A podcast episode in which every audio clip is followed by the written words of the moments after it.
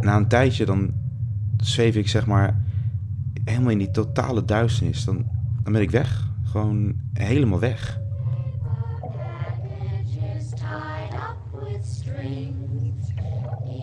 Ik krijg er gewoon geen genoeg van, van dat floating.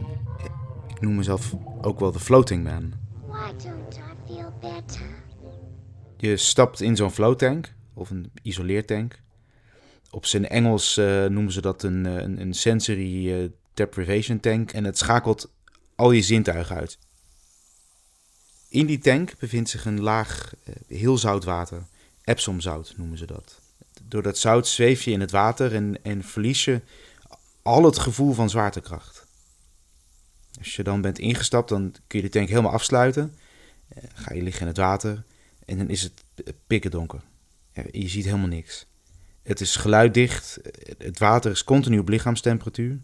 Dus je hoort niets, je ziet niets, je ruikt niets. En doordat je zo gemakkelijk op het water blijft drijven en het op lichaamstemperatuur is, heb je geen idee meer waar je lichaam eindigt en waar het water begint.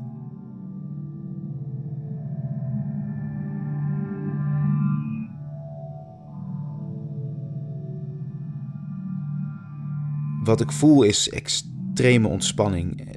Die gaat zo, zo diep. Uh, bij zulke intense ontspanning maken je hersenen uh, bepaalde stoffen aan, zeg maar, waardoor je kunt gaan hallucineren.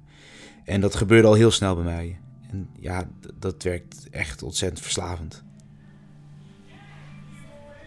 Ja, Hans die kwam al vrij snel elke dag bij ons langs. Normaal gesproken ga je zo'n drie kwartier tot een half uur in zo'n tank. Maar Hans die ging veel langer. En in het begin hadden we daar niet zoveel moeite mee. Maar ja, we gunden het hem, hè. En op een gegeven moment hadden we zelfs een tank voor Hans alleen. Ik, ik heb mezelf gevonden in die, uh, in die floattank. In die totale duisternis en afzondering.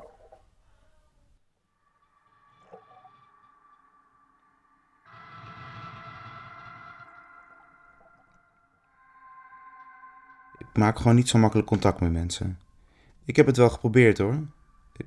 Ik, heb zelfs een keer een relatie gehad. Maar ze praten erg veel en ik wist niet goed hoe ik daarmee om moest gaan.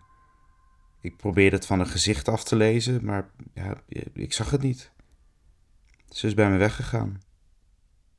In die tank kom ik in een compleet andere wereld terecht. Ik heb daar een hele lieve vrouw en kinderen.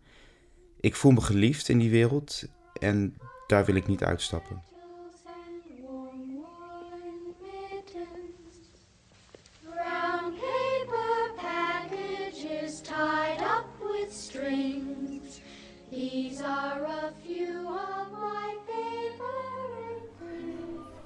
Ja, op een gegeven moment kon het echt niet meer. Hans die kwam steeds verschrompelder uit de tank. Ja, elke dag in zulk zout water baden. Ja, dat is gewoon echt niet goed. We hebben hem toen de toegang ontzegd. Ik mocht dat centrum niet meer in. En het was verdomme wel mijn geluk dat ze van me afpakten.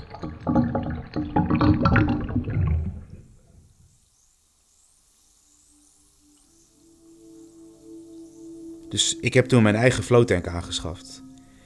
Ik heb mijn eengezinswoning verkocht, want mijn gezin bevindt zich toch in die floattank. En ja, er is niet zoveel ruimte voor nodig, dus ik woon nu in een bungalowpark. Dus van de opbrengst van mijn huis heb ik deze floattank gekocht. Kant en klaar en het beste van het beste. En ik lig eigenlijk dag en nacht in nu.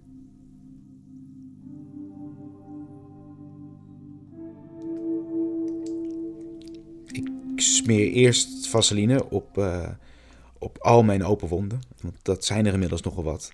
Maar dat, dat heb ik er dubbel en dwars voor over.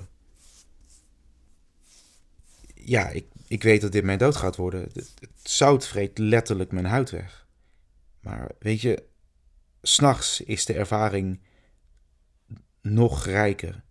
Ik, ik, ruik, ik ruik mijn vrouw en de geur van zeep in de haren van mijn kinderen ja, als ik moet sterven, dan zo in mijn floattank.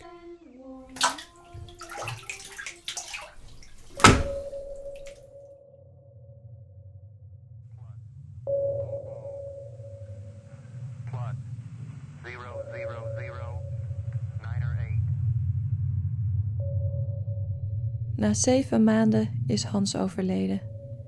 Niet in zijn floattank, maar achter de computer. In overleg met zijn moeder is Hans, de floating man, begraven in zijn eigen floattank.